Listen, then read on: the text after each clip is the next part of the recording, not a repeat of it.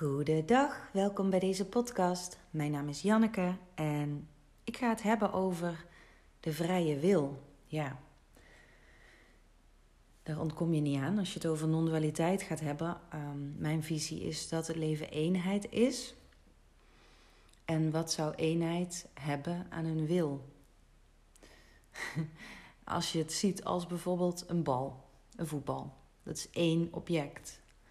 Wat, waar heeft een voetbal dan een wil voor nodig? Het is. maar het is natuurlijk super ingewikkeld, want je loopt hier los als mens met een eigen denkgeest. Dus aan de oppervlakte, als je gewoon zo geboren wordt en geconditioneerd en je leeft gewoon lekker je leven, is het een heel vreemd verhaal dat leven eenheid is. Totaal niet je, je directe ervaring. En ervaar je ook een vrije wil. Je ervaart dat je keuzes maakt, je ervaart dat je voorkeuren hebt. Dus hoe zit dat nou? Nou, de vrije wil bestaat niet, als je het mij vraagt. Want als je gaat kijken naar wat daarvoor nodig is, dan is daar een vaste entiteit voor nodig. Een vast punt in jou die kiest. Maar als je gaat onderzoeken, als je op onderzoek gaat in jezelf, dan kun je nooit een vast punt of een vast ikje of een één iets aan een stuurtje tegenkomen. Dat, daar loopt het al op spaak, omdat dat er niet zit in je. Je ervaart het energetisch wel zo. En dat, daar is ook niks mis mee. Dat is ook prima. Dat is hoe, hoe we het nu ervaren. Maar dat maakt het niet volledig kloppend. Niet volledig waar dat het zo is. Dus energetisch voel je je vastzitten in een lijf. En daar komen gedachten bij op. Bijvoorbeeld, ik wil koffie. En dan lijkt het alsof je een vrije wil hebt. En dat jij bedacht hebt dat je koffie wil. Maar in werkelijkheid um, komt er vanuit een heel complex systeem en vanuit je brein komt gewoon de gedachte op: ik wil koffie. Waar komt die gedachte vandaan? En waar is die aangeleerd? En had die gedachte ook opgekomen als jouw leraar vroeger altijd vertelde over die ene persoon die zo ziek is geworden van koffie? Bijvoorbeeld. En dat heeft dan al helemaal niks meer met een vrije wil te maken. Dat is dan allemaal van buitenaf conditionering, kennis, data, die allemaal in een systeem komen in jou. En daar heb je niet voor gekozen. Dat is wat jou is overkomen. Ik heb het ook heel vaak over onschuld, dat we onschuld zijn. Daar is dit ook aan gelinkt. Dit is wat, hoe, wat dan in jouw systeem is gekomen. En in jouw systeem is dan gekomen: ik wil koffie.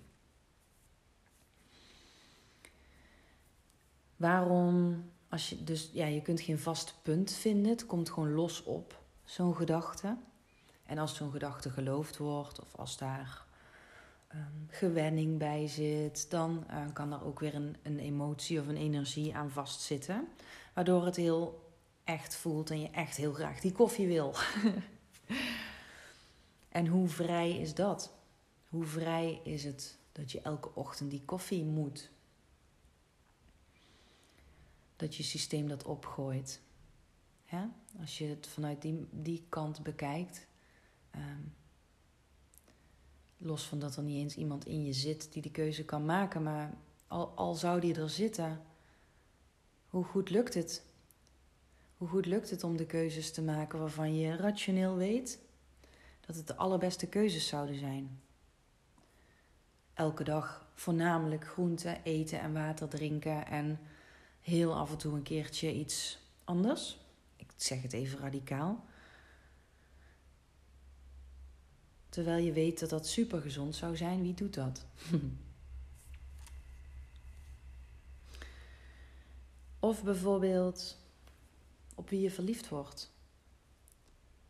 Heb je niet ooit gedacht, shit, waarom word ik nou niet gewoon verliefd op zus en zo'n type?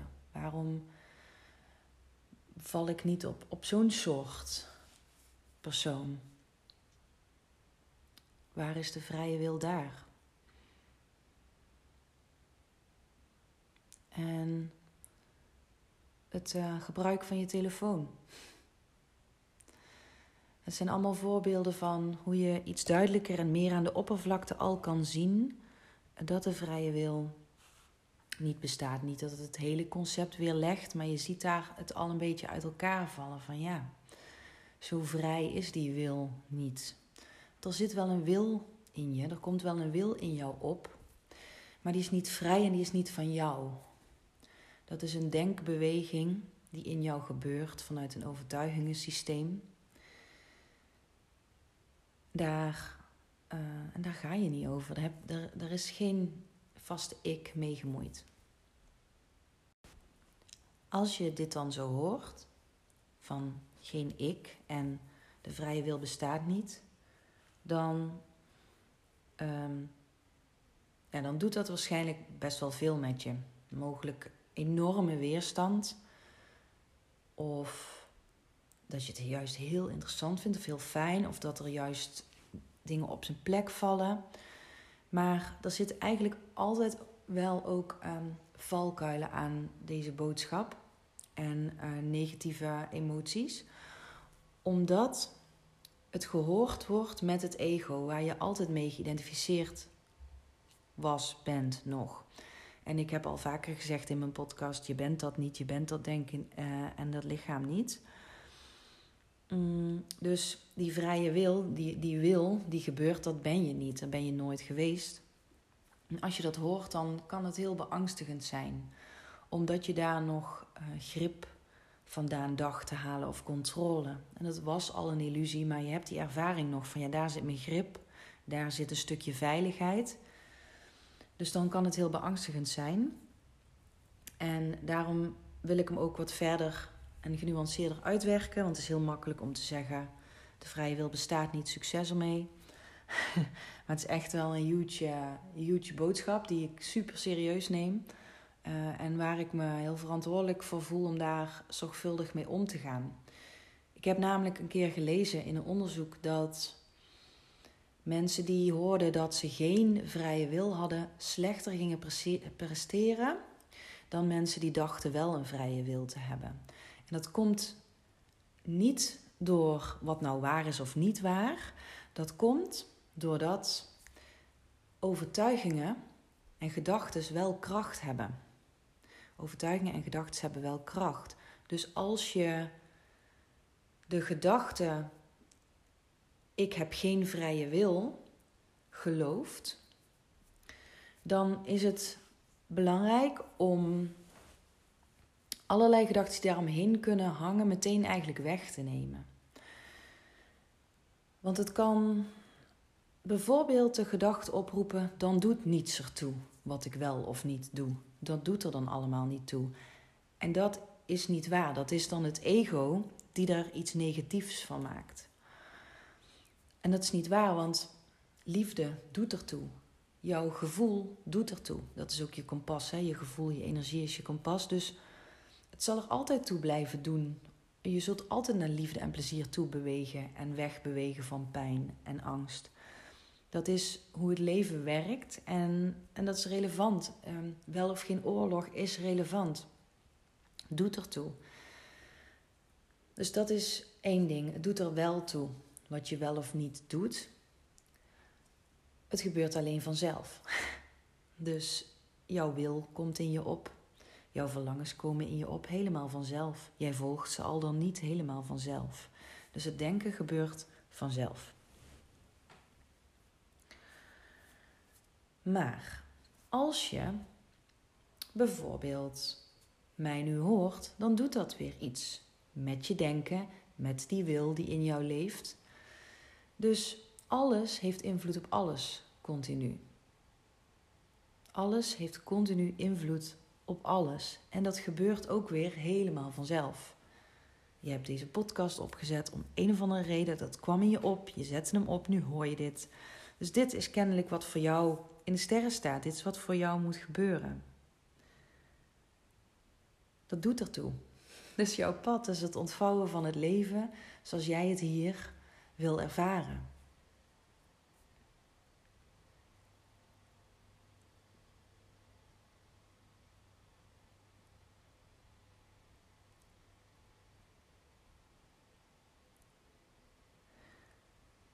Als ik geen vrije wil heb, dan, ja, dan ga ik gewoon niks zitten doen.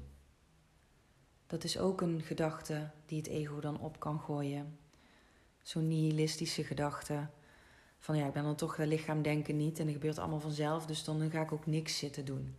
Maar um, dat is eigenlijk weer hetzelfde verhaal. Dat is dan gewoon eigenlijk een negatieve gedachte weer die, die het ego gelooft.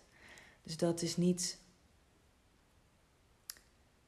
dat is niet kritisch onderzoeken hoe het werkelijk zit. Dat is weer een nieuwe gedachte voor waar aannemen en best wel een pijnlijke gedachte. Dat heeft niets met non-dualiteit, met realisatie, met zien wat waar is en wat niet waar is te maken. Dat is gewoon weer een nieuwe negatieve gedachte geloven.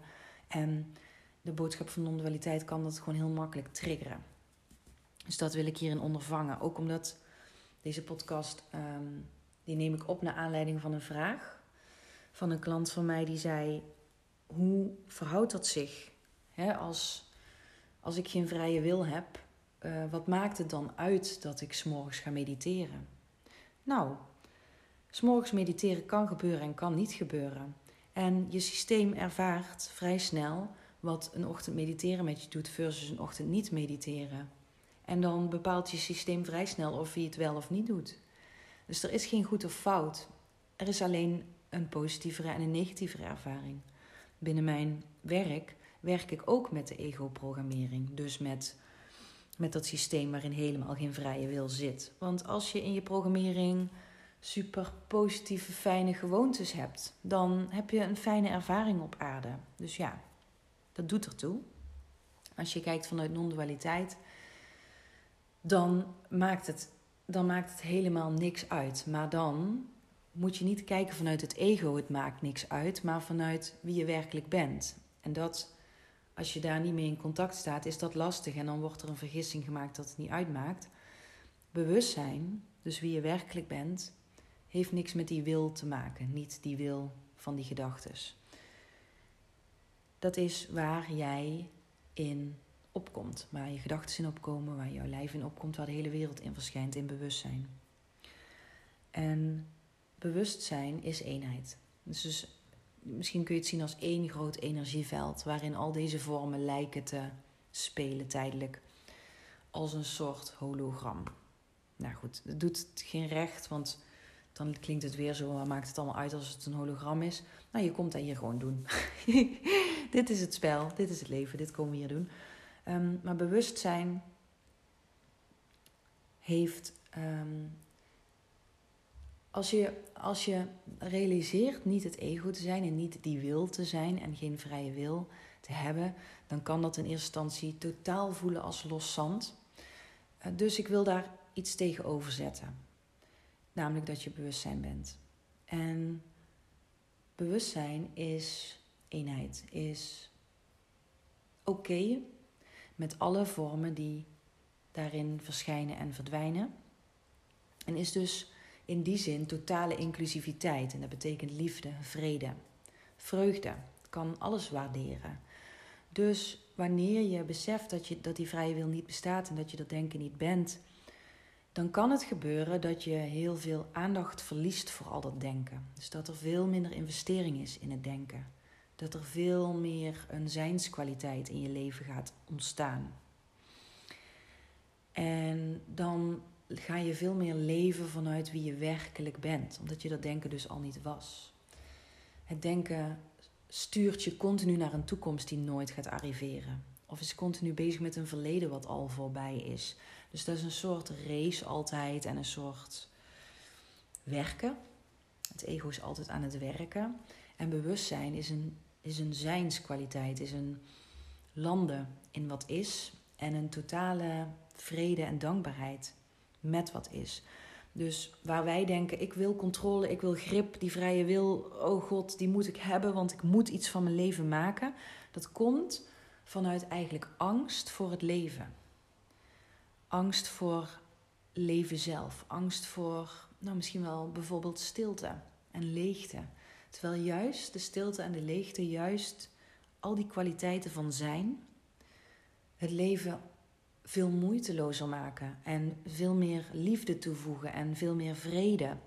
En juist van daaruit ontvouwt het leven zich veel mooier. En krijg je veel meer kwaliteit van leven. Dus die controle die je denken wil hebben met die zogenaamde vrije wil, is een illusie en is eigenlijk een enorme verkramping.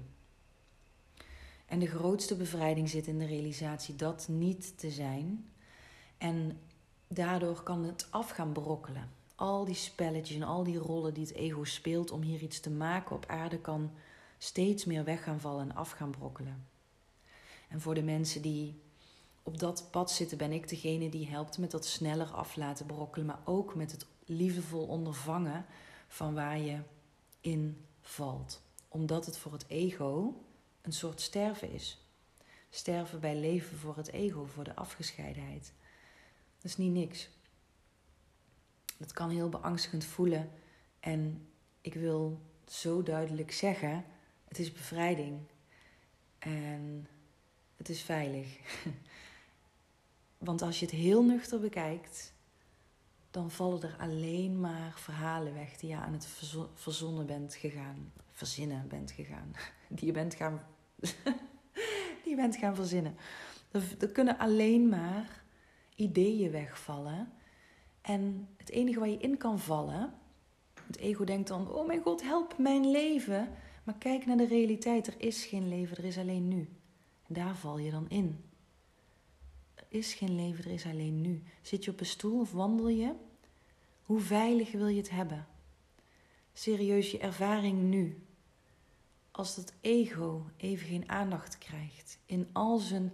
En hoe dan dit en hoe dan in al zijn paniek die die zaait over het leven. En wat er allemaal nog moet gebeuren, moet komen en weg moet voor jouw geluk. Juist als die totaal niet vrije wil even zijn grote smoel houdt. dan kun je wakker worden, daarom heet het ook ontwaken, naar de realiteit, naar wat is. En wat is, is zoveel zachter en is veilig nu. Nu.